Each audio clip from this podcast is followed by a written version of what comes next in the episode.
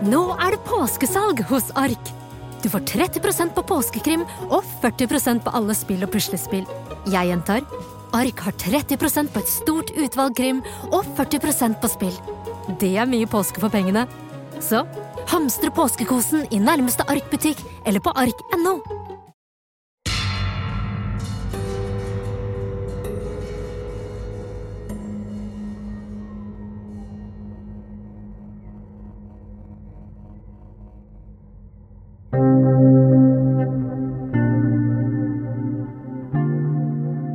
Overgangen fra et tiår til et annet er som et hamskifte.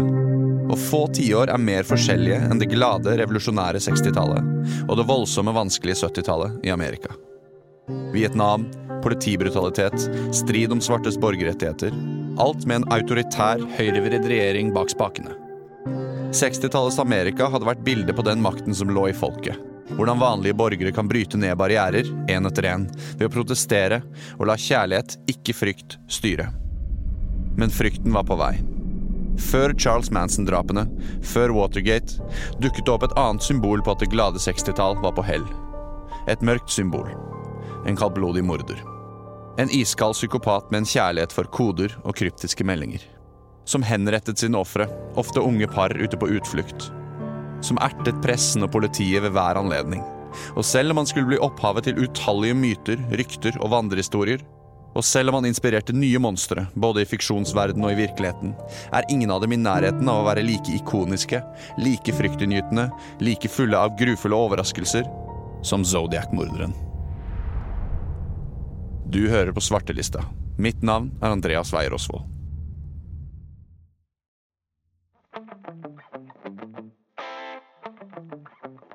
desember 1968 i Benicia, på grensen til byen Vallejo, som ligger litt i underkant av 50 km nord for San Francisco. Det er fredag, og to ungdommer gjør seg klar for en date. David Faraday er 17 år gammel. En atletisk og skoleflink gutt som har sommerfugler i magen.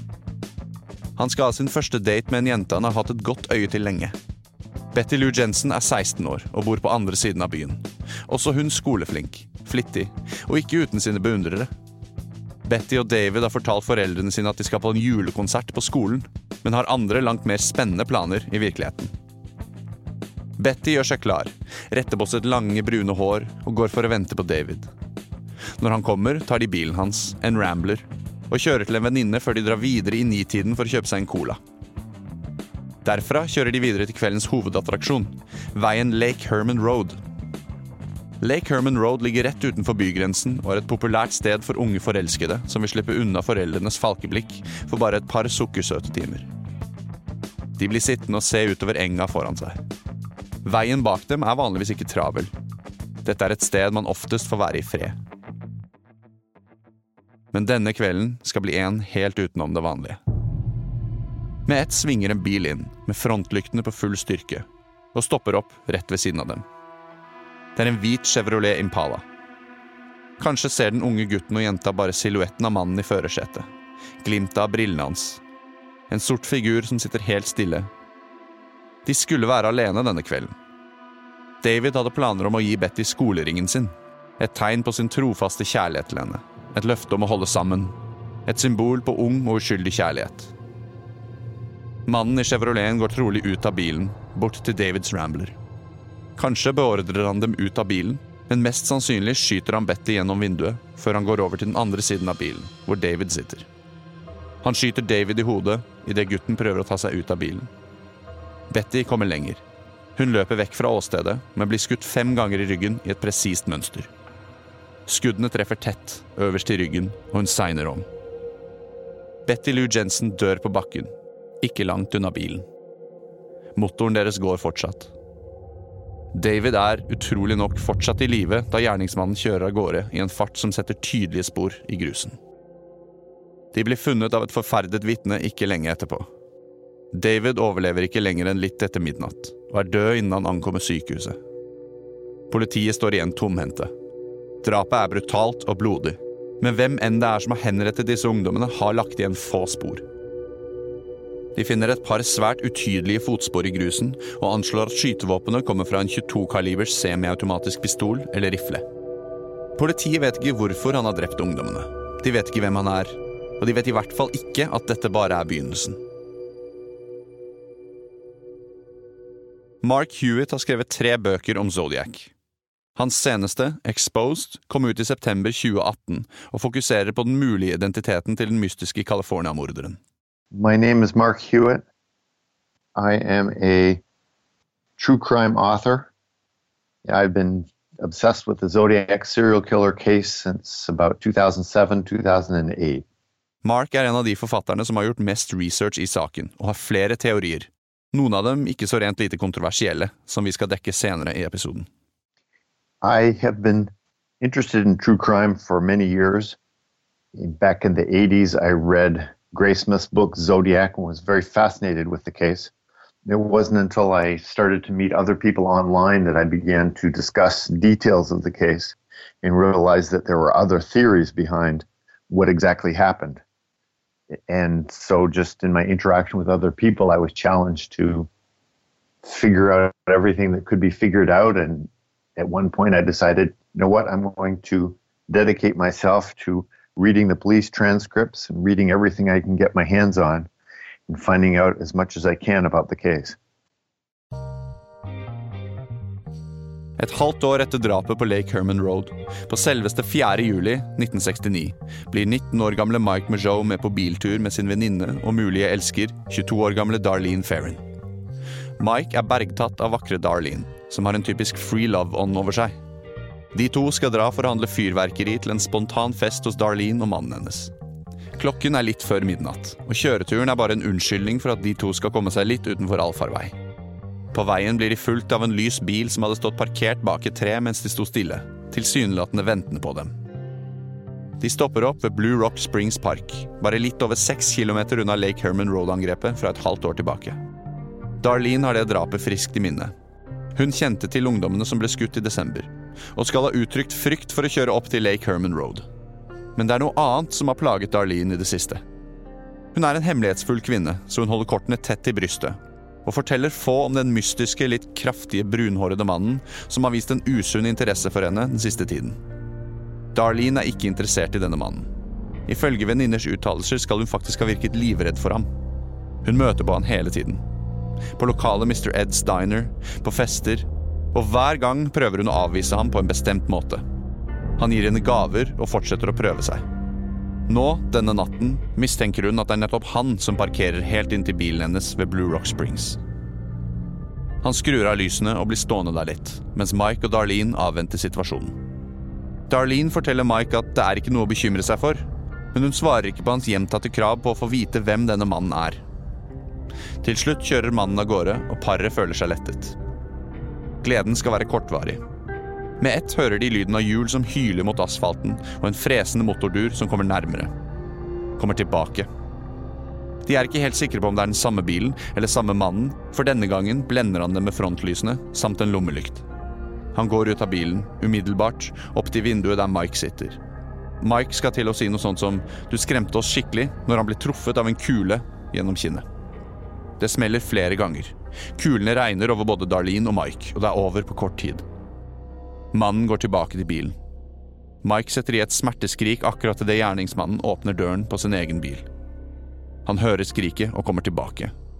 Tunge skritt nærmer seg for et nytt smell, det siste stilner skrikene. De blir funnet av tre tenåringer. Darlene Ferrin er død. Mike er fortsatt i live og klarer å informere dem om hva som har skjedd, i korte setninger. De er skutt og trenger hjelp. Når ambulansen kommer og tar begge med seg til sykehuset, er klokken blitt 00.38. Darlene har omkommet av ni skudd, fem av dem i ryggen. Mike Mageau er mer heldig. Han overlever, men lider av store skader og smerter. Han klarer å gi politiet en fysisk beskrivelse av mannen som angrep dem.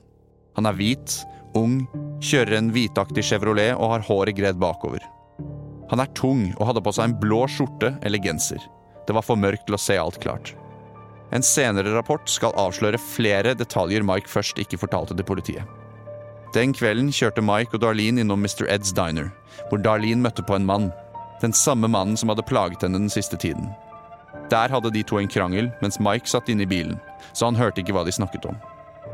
Da Mike og Darlene forlot Mr. Eds, fulgte mannen etter dem og skjøt dem ved Blue Rock Springs. Klokken 00.40, bare to minutter etter Darlene Ferrin blir bekreftet dead on arrival, ringer en mann inn til Vallejo-politiet fra en telefonkiosk. Telefonkiosken har utsikt til huset til Darlene Ferrin. I want to report a murder.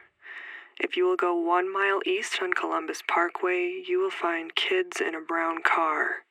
They were shot with a 9mm Luger. I also killed those kids last year. Goodbye. Det siste ordet, 'goodbye', skal ifølge telefonoperatøren ha blitt sagt i en spesiell tone. Dypere, ertende og tydelig kontroll over situasjonen. På dette tidspunktet er morderen navnløs. Zodiac-navnet har han ikke fått ennå. Eller rettere sagt, han har ikke gitt seg selv det ennå. Det er ikke mange politifolk som har knyttet de to drapssakene sammen, men det skulle snart endre seg. Fredag 1. august 1969. Lokalavisene San Francisco Chronicle, Vallejo Times og San Francisco Examiner mottar hvert sitt håndskrevne brev. I brevene forlanger en person som hevder å stå bak begge angrepene, at ordene hans trykkes på forsiden, ellers vil han begå enda flere drap denne helgen. I brevene kommer det fram detaljer politiet hadde holdt tilbake fra pressen, som hvilke våpen gjerningsmannen brukte, hva slags klær ofrene hadde på seg, og i hvilken himmelretning kroppene deres pekte etter han hadde skutt dem. Også inkludert i brevene er en koderemse, delt i tre, hvor hver del var sendt til hver av avisene. Han skriver at hvis de løser koden, vil de finne hans identitet. Vallejo Times og San Francisco Chronicle adlyder truslene, og publiserer brevene. San Francisco Examiner er usikre på om de virkelig er fra morderen, og venter til søndag. Men det får ingen konsekvenser. Koden i brevene setter i gang en skattejakt blant amatørkodeknekkere i området, og det tar ikke lang tid før den blir løst av et ektepar i Salinas, et par timer sør for Vallejo og San Francisco. Dette er den dekodede beskjeden fra morderen.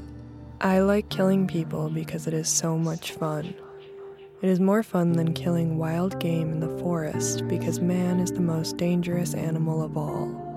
To kill something gives me the most thrilling experience. It is even better than getting your rocks off with a girl. The best part of it is that when I die, I will be reborn in paradise, and all those I have killed will become my slaves. I will not give you my name because you will try to slow down or stop my collecting of slaves for my afterlife. Beskjeden er full av skrivefeil. Disse skrivefeilene skal komme til å bli en viktig brikke i puslespillet. Ettersom flere ord staves feil gjentatte ganger på samme unike måte i senere brev. For eksempel skriver han alltid 'Christmas' med to s-er. Politiet begynner nå å danne et bilde av hva slags morder de har med å gjøre. Well, based on eyewitness reports, it appears to be a white male, Caucasian male, anywhere between five eight and six feet tall, 180 to 220 pounds. Uh, personality wise, actions su- suggest that this person has some type of anger, uh, frustration, unhappiness toward life, and not a natural way to express it. Quite likely, he has a, a, a confused understanding of sex and violence, where the two are kind of enmeshed. The Zodiac has been identified as a, an extremely organized serial killer. Uh, one profiler identified him as being hyper organized, which suggests that he put an awful lot of planning into not only the attacks but the letters as well, and worked very hard to not be caught. Tre dager etter de første brevene, mandag 4. august, kommer et nytt brev. Denne gangen kun til San Francisco Examiner. Han retter på politiets påstand om at han flyktet fra 4. juli-drapet i all hast, og forklarer nøyaktig hvordan han klarte å skyte ofrene sine i bekmørket. Ved hjelp av å teipe en lommelykt på størrelse med en blyant til løpet på våpenet. Dette er detaljer som hadde fått politiet til å klø seg i hodet tidligere. Men kanskje aller mest oppsiktsvekkende er brevets introduksjon. Dear editor, this is the Zodiac speaking. In answer to your asking for more details about the good times I have had in Vallejo, I shall be very happy to supply even more material. By the way, are the police having a good time with the code? If not, tell them to cheer up. When they do crack it, they will have me. Han har gitt seg selv et navn, The Zodiac. Nederst signerer Zodiac med et symbol som i ettertid har blitt ikonisk for alle med en viss interesse for denne saken. En sirkel med et plussymbol tvers over. Det ser ut som et pistolsikte. Det er tydelig at Zodiac liker oppmerksomheten han får, nyter frykten han skaper i lokalsamfunnet. Og det tar ikke lang tid før han slår til igjen. 27.9.1969. Studentene Cecilia Ann Shepherd og Brian Hartnell nyter en rolig lørdag ettermiddag ved Lake Berryessa i Napa County, California, en time nord for Vallejo. Paret ligger og slapper av på bakken, bare dem. Etter litt ser de en mannsskikkelse omtrent 100 meter unna. Det ser ut som han ser på dem. Paret iakttar mannen og diskuterer seg imellom, før de kommer frem til at det helt sikkert bare er en ufarlig raring. Etter litt kommer mannen nærmere, og paret blir nervøse. Hvem er det? Hva vil han? Plutselig forsvinner mannen bak et tre. Han dukker opp igjen, og nå har han på en hette. Et symbol som ligner et sikte er festet i hetten, som skjuler både ansiktet og strekker seg helt ned til magen. Den får han til å ligne på en slags bøddel. Mannen kommer nærmere og nærmere, og nå ser paret at han holder en pistol. Først vil han bare ha penger. Brian Hartnell prøver å fleipe litt med mannen for å avvæpne situasjonen. Brian var ikke så redd. Ikke først. Ikke før han skjønte at dette var mer enn et ran. Mannen ber Cecilia binde Brian fast. Så binder mannen henne. Han legger dem ned på bakken, på magen, før han med brummende stemme kunngjør at han skal stikke dem. Han tar frem en kniv. Brian blir stukket først, seks ganger i ryggen. Cecilia blir stukket 24 ganger, i ryggen, brystet og skrittet. De blir liggende der, blødende. De kjemper for å holde seg bevisste. Slik forlater Zodiac dem, men ikke før han legger igjen en beskjed på bildøren deres, skrevet i sort tusj. Vallejo, December 20th, 1968. July 4th, 1969. September 27th, 1969. 6:30 by knife. Han ringer politiet igjen, fra en telefonkiosk rett ved politistasjonen, for å rapportere et dobbeltdrap. Han avslutter med 'det var jeg som gjorde det', før han forsvinner fra linjen uten å legge på røret. Før politiet og ambulansen kommer til Lake Berryessa, klarer Brian og Cecilia å komme seg ut av bindingene. Cecilia er kritisk skadet, og det går et døgn før hun omkommer med familien rundt seg i sykehussengen. Brian overlever, og skal bistå politiet i jakten på Zodiac med sin vitnebeskrivelse. Morderen var tung, høy og hadde på seg briller under hetten. Han skalv når han bandt Cecilia, og uttalte underveis at han var nervøs. Han sa også at han hadde rømt fra et mentalsykehus i Montana, og at han hadde drept en av vaktene der oppe. Politiet gikk ivrig til verks for å undersøke disse ledetrådene, for å se om dette faktisk stemte, eller om det bare var villedninger. Morderen hadde fått blod på tann. Neste angrep lurte rett rundt hjørnet.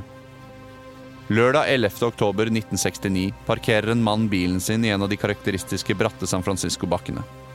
Han hopper så på en buss som tar han med til byens teaterdistrikt.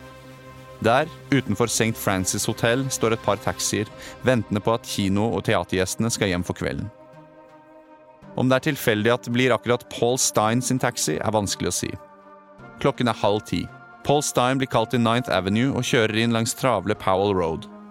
Utenfor Pinecrest restaurant blir han flagget ned av en mann som setter seg inn i baksetet og spør om han kan kjøre han til Presidio Heights, et beboerområde. Kanskje snakker de sammen. Kanskje er begge mennene helt stille. Når de kommer til destinasjonen, langs stille hjem og mørke, rolige gater, presser mannen en 9 mm pistol mot sjåførens bakhode, mot høyre øre, og fyrer av. Skuddene høres i et av husene overfor gaten der taxien nå står og går på tomgang, og en gjeng tenåringer får med seg resten av scenen. Den tunge mannen går rolig ut av taxien, bøyer seg inn i passasjersiden foran og fikler med det slappe liket av Paul Stein. Han tar nøkkelen ut av tenningen og river med seg lommeboken hans. Mannen står bøyd inn i bilen en stund. Det ser ut som han tørker av noe der inne. Bruker lang tid på å sørge for at det ikke legger igjen spor. Ett skudd var det som skulle til denne gangen. Og liket av den nesten 30 år gamle taxisjåføren og studenten Paul Stein ligger igjen i den gule bilen når drapsmannen omsider lunter videre. Denne gangen er politiet ekstremt raske, og ankommer åstedet nesten umiddelbart etter at ungdommene varsler dem. Ungdommene så til og med hvilken retning mannen forsvant i.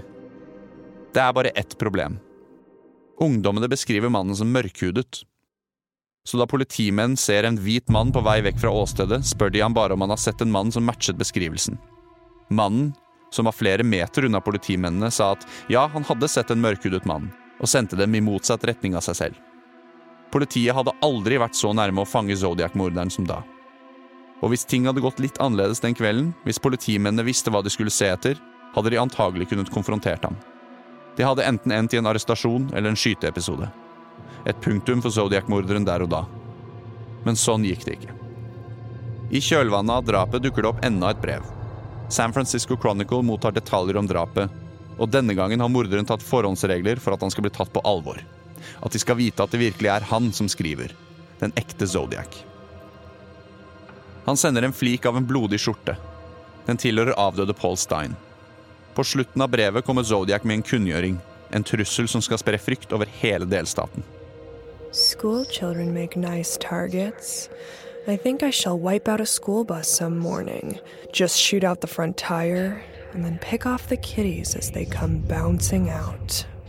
22. november klokken to om natten ringer en telefon hos Oakland Police Department, som åpner med den samme introduksjonen som avisbrevene. This is the Zodiac speaking. Han ber om å få snakke med enten F. Lee Bailey eller Melvin Belli, to kjente forsvarsadvokater med fartstid fra kjente drapssaker. Det er bare én hake. Bailey eller Belli må dukke opp på morgenshowet til California-kanalen Channel 7 bare timer senere. Zodiac selv skal ringe inn. Han legger på. Litt over klokken syv den morgenen, på direktesendt TV, ringer telefonen på morgenshowet der Melvin Belli og programmets vert Jim Dunbar har fylt morgenen med anspent tomprat. Stemmen går ut på direkten, akkurat som han vil det. Han sier at de kan kalle han Sam. Han forteller om hodepinen som får han til å drepe, som bare stopper når han dreper. Han høres ung ut, kanskje for ung. Han legger på og ringer igjen, mange, mange ganger i løpet av programmet. De snakker lenge, og Belli og Dunbar gjør sitt beste for å få mannen til å inngå en avtale med dem, snakke ham ut av drapene, tilby ham psykiatrisk hjelp og immunitet fra dødsstraff. Utrolig nok går Sam med på å møte Bella i Daily City halv elleve senere den morgenen. Alene. Ikke overraskende møter ingen Zodiac opp i Daily City. Tre av personene som har hørt Zodiacs stemme, enten på telefon eller under et angrep, blir avspilt opptaket av samtalen med Sam. De er alle sikre i sin sak. Sam er ikke Zodiac. Politiet klarer til slutt å spore disse samtalene til Napa State mentalsykehus. Sam er nok et blindspor. Bare en ustabil person som kastet bort tiden deres. Men var det noe i den første telefonen, den som ba om å få komme på TV? Gikk de glipp av å snakke med den ekte Zodiac den morgenen fordi de fokuserte på Sam? Historien om Zodiac-morderen fortsetter etter dette. Vi i Rema 1000 kutter igjen prisene, nå på en mengde påskefavoritter. For eksempel kutter vi minst 25% på gourmetstykket fra Hatting, 150 gram bacon fra Nordfjord, rett i koppensuppe fra Toro og andre påskefavoritter. Alt dette og enda flere priskutt på minst 25% For det er sluttsummen på påskehandelen som teller. Og husk at vi fortsatt har fryst prisen på over 1000 varer. I mellomtiden fortsetter Zodiac å sende brev til pressen. Han skryter på seg flere drap uten å gi detaljer. Han klager når de ikke trykker korrespondansen på forsiden. Han erter politiet i lange brev, kaller dem svin og tegner opp bombeplaner. Han sender brev til Melvin Bella i desember 1969, hvor han ber om hjelp til å stoppe trangen til å drepe. Han ringer også Bellai, men får ikke tak i ham. Med brevet til Bellai følger enda en bit av Paul Steins blodige skjorte. Kan dette være beviset på at mannen som ringte politiet for å informere om at han ønsket å snakke med Bellai på morgenprogrammet, faktisk var Zodiac? Eller hadde han bare fulgt med på showet og spilt med da han så hvor mye oppmerksomhet opptrinnet hadde fått? Etter hvert slutter pressen å trykke Zodiac-brevene, for å se hvordan han reagerer. Det resulterer i enda flere brev, hvor han påstår å ha drept en politimann og forsøkt å kidnappe en ung dame.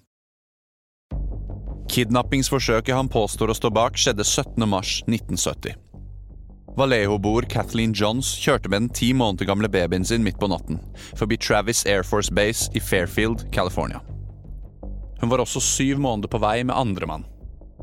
Med ett merket hun at bilen bak henne blinket frenetisk med lysene mot henne. Det kunne ikke være tilfeldig. Hun stoppet bilen, og en hvit Chevrolet kom opp på siden av henne. En vennlig stemme fortalte henne at bakhjulet hennes satt løst, og han tilbød seg å stramme det for henne. Kathleen takket gladelig ja, og mannen fikset hjulet på kun et minutts tid. Hun takket mannen som kjørte av gårde foran henne. Etter at Kathleen hadde kjørt videre bare noen meter, ble hun avbrutt av et smell, før bilen rykket voldsomt til. Hun stoppet og oppdaget raskt at hjulet hadde falt helt av. Hun gikk ut og oppdaget at mannen var tilbake ved siden av henne. Han tilbød henne en kjøretur til servicestasjonen rett borti veien. Kathleen valgte å stole på magefølelsen, som fortalte henne at mannen ikke hadde noen vonde intensjoner, hun tok med seg babyen inn i bilen hans. Det var først da han ikke stoppet på den første stasjonen de passerte, eller den neste, at hun ble redd. Så sa han, rolig og helt uten følelser i stemmen, at han hadde tenkt til å drepe henne.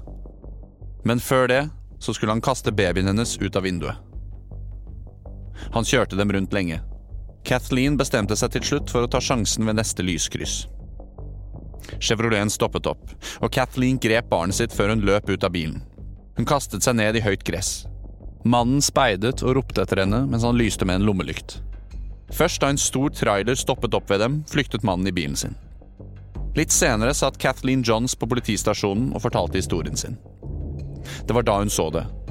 På kontoret der hun satt, hang fantomtegninger av den mistenkte i drapet på Paul Stein noen måneder tidligere. Der er han! Der er han! ropte Kathleen. Kathleen Johns mener bestemt at det var Zodiac som prøvde å kidnappe henne og babyen hennes denne kvelden.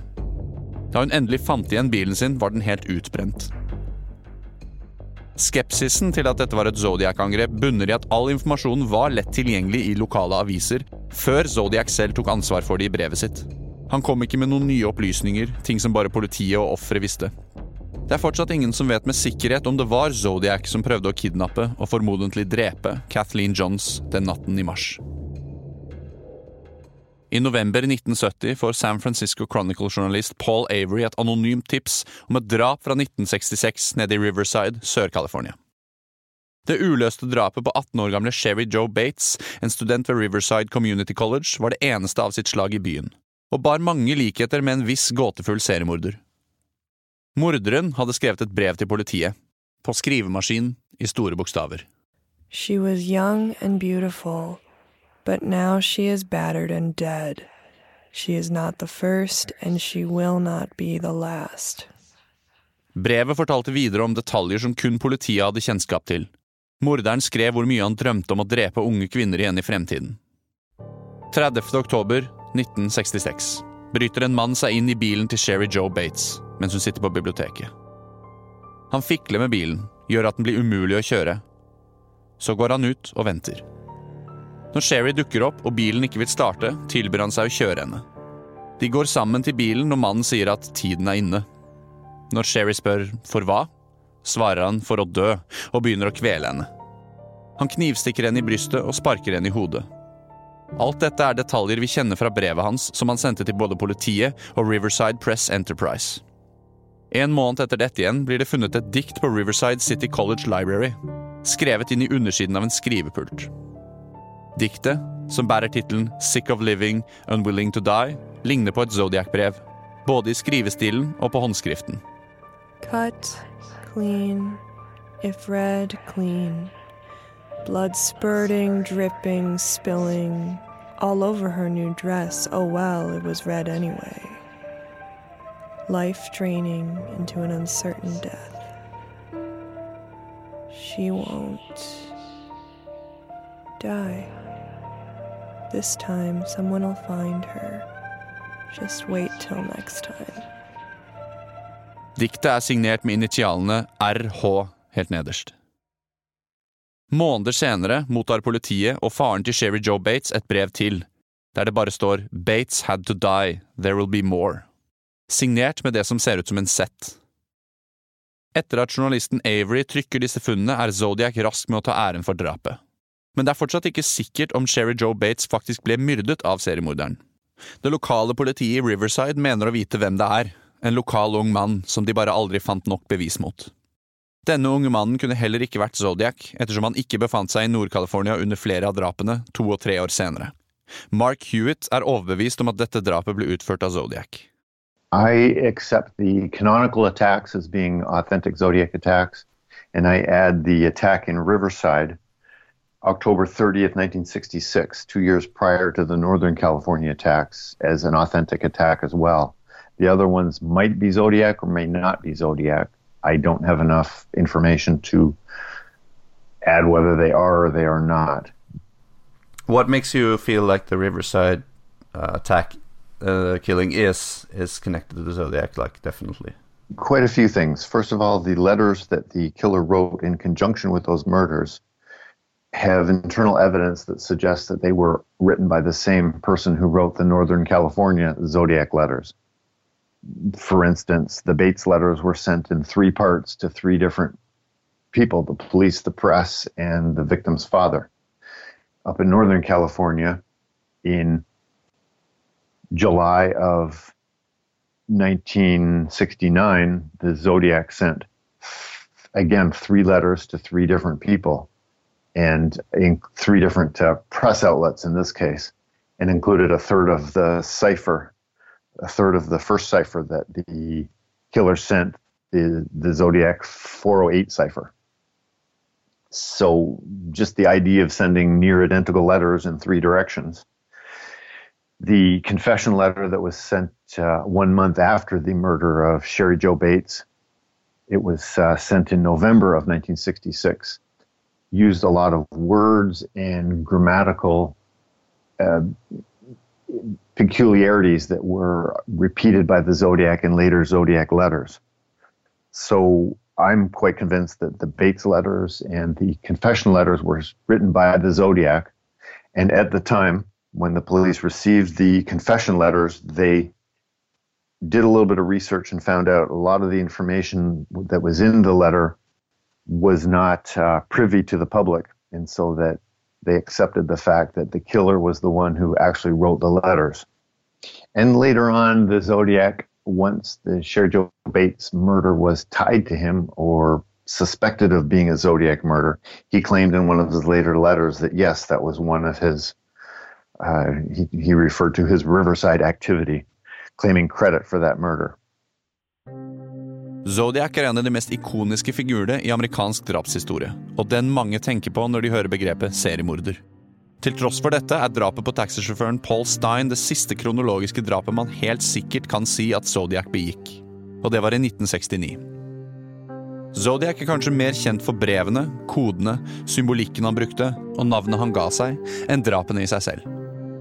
Etter 1971 stopper også brevene, i tre hele år, før han kommer tilbake igjen som om han aldri har vært borte. Det virker mer som om han forsøker å holde seg relevant, sørge for at navnet Zodiac fortsatt skal spre frykten det en gang gjorde. Han gir sin mening om filmen Eksorsisten. Han kaller den den beste satiriske komedien han har sett, og kommer med trivia om dagsaktuelle saker i media. Så blir han stille igjen, fra 1974 til 1978, hvor han skriver sitt mulig siste brev til avisene. Dette siste brevet, hvor han truer med å drepe flere Hollywood-skuespillere, har ikke blitt verifisert som et Zodiac-brev. Det er ikke like mange skrivefeil som det vanligvis er, og han har for lengst sluttet å legge ved blodige bevis. Hovedetterforsker i Zodiac-saken, David Toski, ble beskyldt for å selv ha skrevet brevet etter det kom frem at han hadde forfalsket en håndfull brev til seg selv på rundt denne tiden. Men han ble renvasket litt senere. Uansett om dette siste brevet var Zodiac eller ikke, hadde det gått nesten et tiår siden det forrige bekreftede drapet hans. Dette var de siste spasmene til mannen som fikk Amerikas mest folkerike delstat til å holde seg innendørs. Zodiac var ute av nyhetsbildet. Selv om etterforskningen fortsatt pågikk i det stille, helt frem til 2004, da San Francisco offisielt lukket saken. Men det varte bare i tre år. Da den svært anerkjente David Fincher-filmen om Zodiac kom ut i 2007, ble morderen nok en gang satt på dagsorden, og saken ble gjenåpnet igjen. Saken er aktiv den dag i dag i Napa County og Riverside by. Zodiac har aldri blitt funnet. Ikke at det manglet på mistenkte. Flere tusen menn har blitt anklaget for å være Zodiac-morderen, men bare en liten brøkdel av disse anklagene hadde noen form for troverdighet. Mange menn ble sett på som mulige kandidater og ble grundig undersøkt av politiet, før de alle som en ble utelukket. Så hvem er han? Kommer vi noensinne til å få vite morderens sanne identitet? I David Finchers film Zodiac fra 2007 figurerer en mann ved navn Arthur Lee Allen. Allen var manges hovedmistenkte, og det er åpenbart at Finchers film, som er basert på tidligere San Francisco Chronicle-ansatte Robert Graysmiths bok, retter sterk mistanke mot Allen. Allen ble født i 1933 og hadde bakgrunn fra marinen, noe politiet mente kunne ha sterk relevans. Fotavtrykket funnet på Lake Herman Road matcher Allens, og politiet fant blodige kniver i bilen hans etter Lake Berryessa-angrepet i september 1969. Allen eide en Zodiac-klokke, og svigerinnen hans påpekte mange likheter mellom Zodiac-brevene og Allens brev til henne og mannen, spesielt flere av skrivefeilene. Allen hadde også blitt arrestert for å ha forgrepet seg på barn, og Zodiac hadde for vane med å true med å myrde barn i flere av brevene sine. Mike Mujot identifiserte Allen som en mulig match til mannen han så Darlene krangle med bare timer før hun ble drept 4.7.1969. Men Arthur Lee Allen ble utelukket av politiet. Det ble gjort tester av håndskriften hans som ikke matchet. Han lignet ikke på flere av vitnebeskrivelsene, og aller viktigst, både en DNA-prøve og en fingeravtrykkprøve utelukket ham. Arthur Lee Allen døde i 1992. So, as you Arthur Lee Allen, he's the, the biggest, most popular suspect because that he was the pretty much the only serious suspect that the police had back in the 1960s and 70s. Everybody else they were easily able to eliminate. Arthur Lee Allen seemed to have a lot of circumstantial evidence pointing at him, including people who came forward and said that he made claims about wanting to be the Zodiac even before the Zodiac attacks happened. Um, so the police looked into Arthur Lee Allen very carefully. Even though hundreds of other people were brought to their attention, they were able to easily eliminate these hundreds of people. It's just Arthur Lee Allen they couldn't eliminate, but at the same time, they couldn't make a case against him. Rick Marshall bodde i nærheten av et par av ofrene i tiden de ble myrdet. Mulige Zodiac-offer Sherry Joe Bates i Riverside 1966 og Paul Stein i San Francisco 1969. Marshall var rundt 40 år da drapene begynte. Han var opptatt av film og jobbet med å vise gamle stumfilmer, noe Zodiac var opptatt av i brevene sine. Han skrev tekstene på filmplakatene for hånd, og håndskriften har en tydelig likhet med Zodiacs. Men Marshall, som også var en av forfatter Robert Graysmiths favorittmistenkte, ble utelukket. Fingeravtrykkene matchet ikke, og det var ingenting håndfast å bruke i saken mot Marshall. Rick Marshall døde i 2008. Lawrence Kane var i midten av 40-årene da drapene begynte, og har vært hovedmistenkt i Donna Lass sin forsvinning i 1970, en annen mulig Zodiac-sak. Kathleen Johns, som ble forsøkt bortført det samme året sammen med babyen sin, mener også at Kane sto bak etter å ha sett bilder av ham. Darlene Ferrins søster peker også ut Kane som en svært sannsynlig Zodiac, og mente at han hadde fulgt etter søsteren hennes før 4. juli-drapet, og fem dager etter det drapet byttet Kane ut bilen sin. Lawrence Kane hadde gjennomgått et traume etter en bilulykke i 1962, og led resten av sitt liv av en hjerneskade som politiet mente bidro til mangel på impulskontroll. Han ble flere ganger arrestert for kikking. Han bodde i San Francisco, ikke mange kilometer unna der Paul Stein ble drept, i 1970. Han flyttet til Lake Tahoe, Nevada i juni 1970, og jobbet på samme sted som tidligere nevnte Donna Lass da hun forsvant. Kane er ikke sett på som den mest trolig mistenkte i alle Zodiac-angrepene, og sakene der fingeren peker tydeligst på Kane, er ikke engang bekreftede Zodiac-angrep. Han er svært interessant, men har aldri vært blant politiets hovedmistenkte. Lawrence Kane døde i 2010. Ross Sullivan er en favoritt for Sherry Joe Bates-mordet i 1966 i Riverside, som ikke er et bekreftet Zodiac-mord. Sullivan studerte på samme skole som Bates, samtidig som henne. Håndskriften hans matcher diktet som ble funnet på skrivepulten på Riverside City College Library etter drapet. Det finnes ikke så mye på Sullivan ellers, annet enn at han ligner oppsiktsvekkende mye på de mest kjente fantomtegningene. Han skal også ha studert kryptologi, som ville passe med Zodiacs forkjærlighet for koder.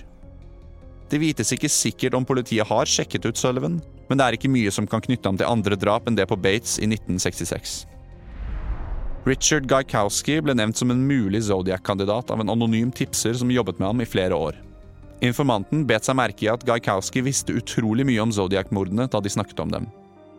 Han hadde bakgrunn fra militæret, han var opptatt av aktivisme og var involvert i produksjonen av en motkulturell avis med navnet Good Times i San Francisco. Han var uttalt mot mye av det politiet sto for. Han lignet på skissene, og en av de som tok imot en av telefonene fra Zodiac på 60-tallet, sa at Gaikowskis stemme var veldig lik den hun hørte. Alt dette kom mange år etter Zodiac hadde gått under jorden. Og politiet er overbevist om at Gaikowski ikke er deres mann. Det mangler bevis, og DNA-prøvene ga ikke noe klart svar. Gaikowski døde i 2010. Dennis Kaufman skrev i 2007 en bok der han la frem en teori om at sin nylig avdøde stefar Jack Tarrance var Zodiac. Dennis trekker fram ting som en hette som ble funnet i stefarens eiendeler, som ligner veldig på den Zodiac brukte i Lake Berryessa-angrepet i 1969. Tarrance var født i 1928. Han tilbrakte tid i militæret. Han hadde muligens en del kjennskap til koding. Han lignet på skissene. DNA-prøvene konkluderte ikke om Jack var eller ikke var Zodiac, og Dennis Coffman har fått kritikk for flere av teoriene sine. Men da han fikk en ekspert til å se på håndskriftsprøver og sammenligne dem med morderen, var de utrolig like. Det foreligger ikke mye kredibel informasjon som kan knytte Jack Terrence til drapene, men flere politifolk er åpne for muligheten, og vedkjenner at noen av likhetene er meget interessante. For Mark Hewitt er ingen av disse personene sannsynlige gjerningsmenn. Han har nettopp lansert sin egen teori om gjerningsmannen, en teori som kan beskrives som ganske kontroversiell. September 27, I released my third book, which is Exposed, The Zodiac Revealed. And that is my attempt to put the case back together again, take all of these little pieces and reassemble them in a way that makes sense. And I was only able to do that with the understanding that the perpetrator was Theodore Kaczynski, also known as the Unabomber. I compiled six or seven clusters of evidence that convinced me and seemed to demonstrate that Kaczynski was the was the Zodiac, and to to the exclusion of all other people, that nobody else could have been the Zodiac. So um, I also did an analysis of the timeline, which is quite fascinating.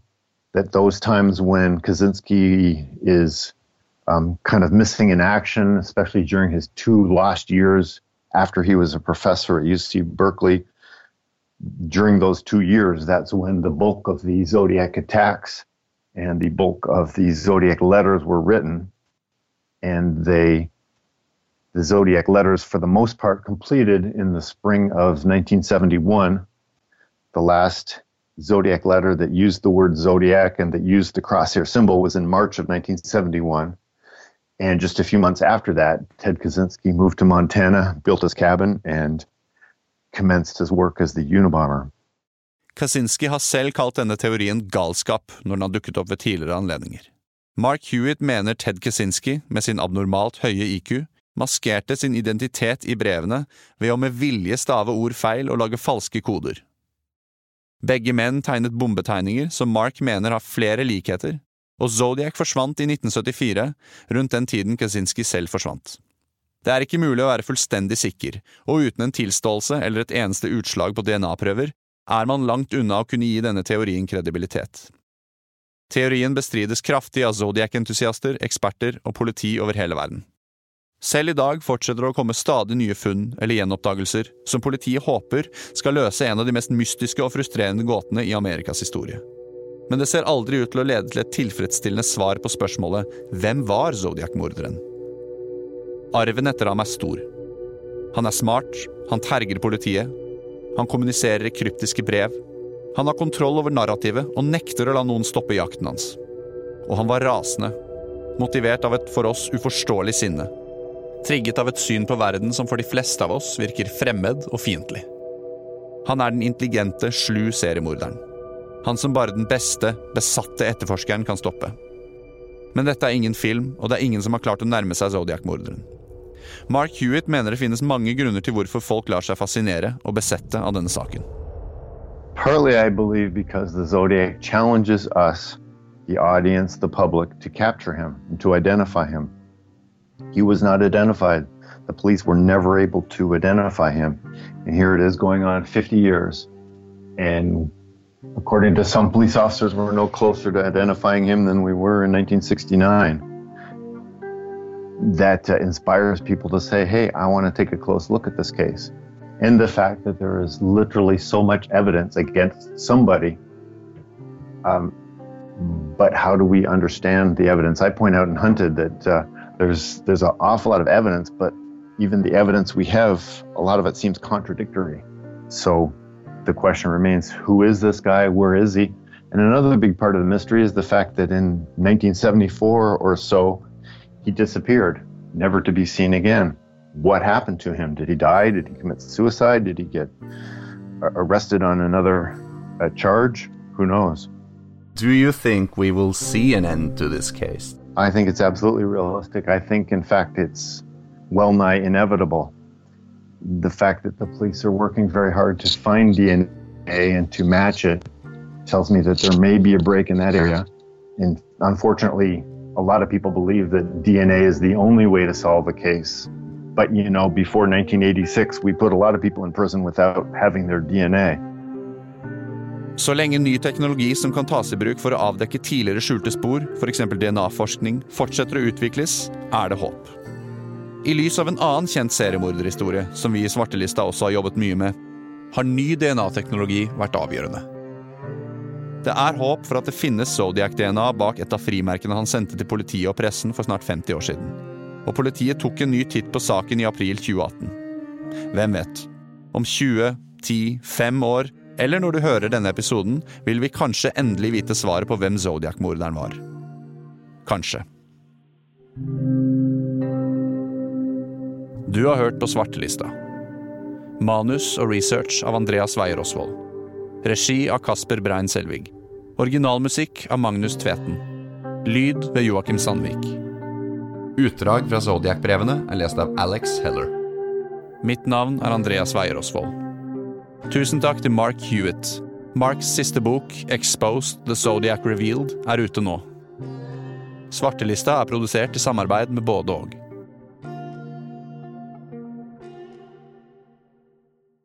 Kiwi er billigst i VGs matbørs og har vært billigst i fire av de fem siste VGs matbørser. Og nå har vi billige parti- og sesongvarer til påske. På 6 ganger halvannen liter Coca-Cola Zero setter vi prisen til 79 pluss pann. På 600 gram Folkets Burger Big Pack setter vi prisen til 79. På 650 gram Lerøy helside laksefilet i aluminiumsform setter vi prisen til 169. For det er vi som er prispresserne. Og vi i Kiwi gir oss aldri på pris.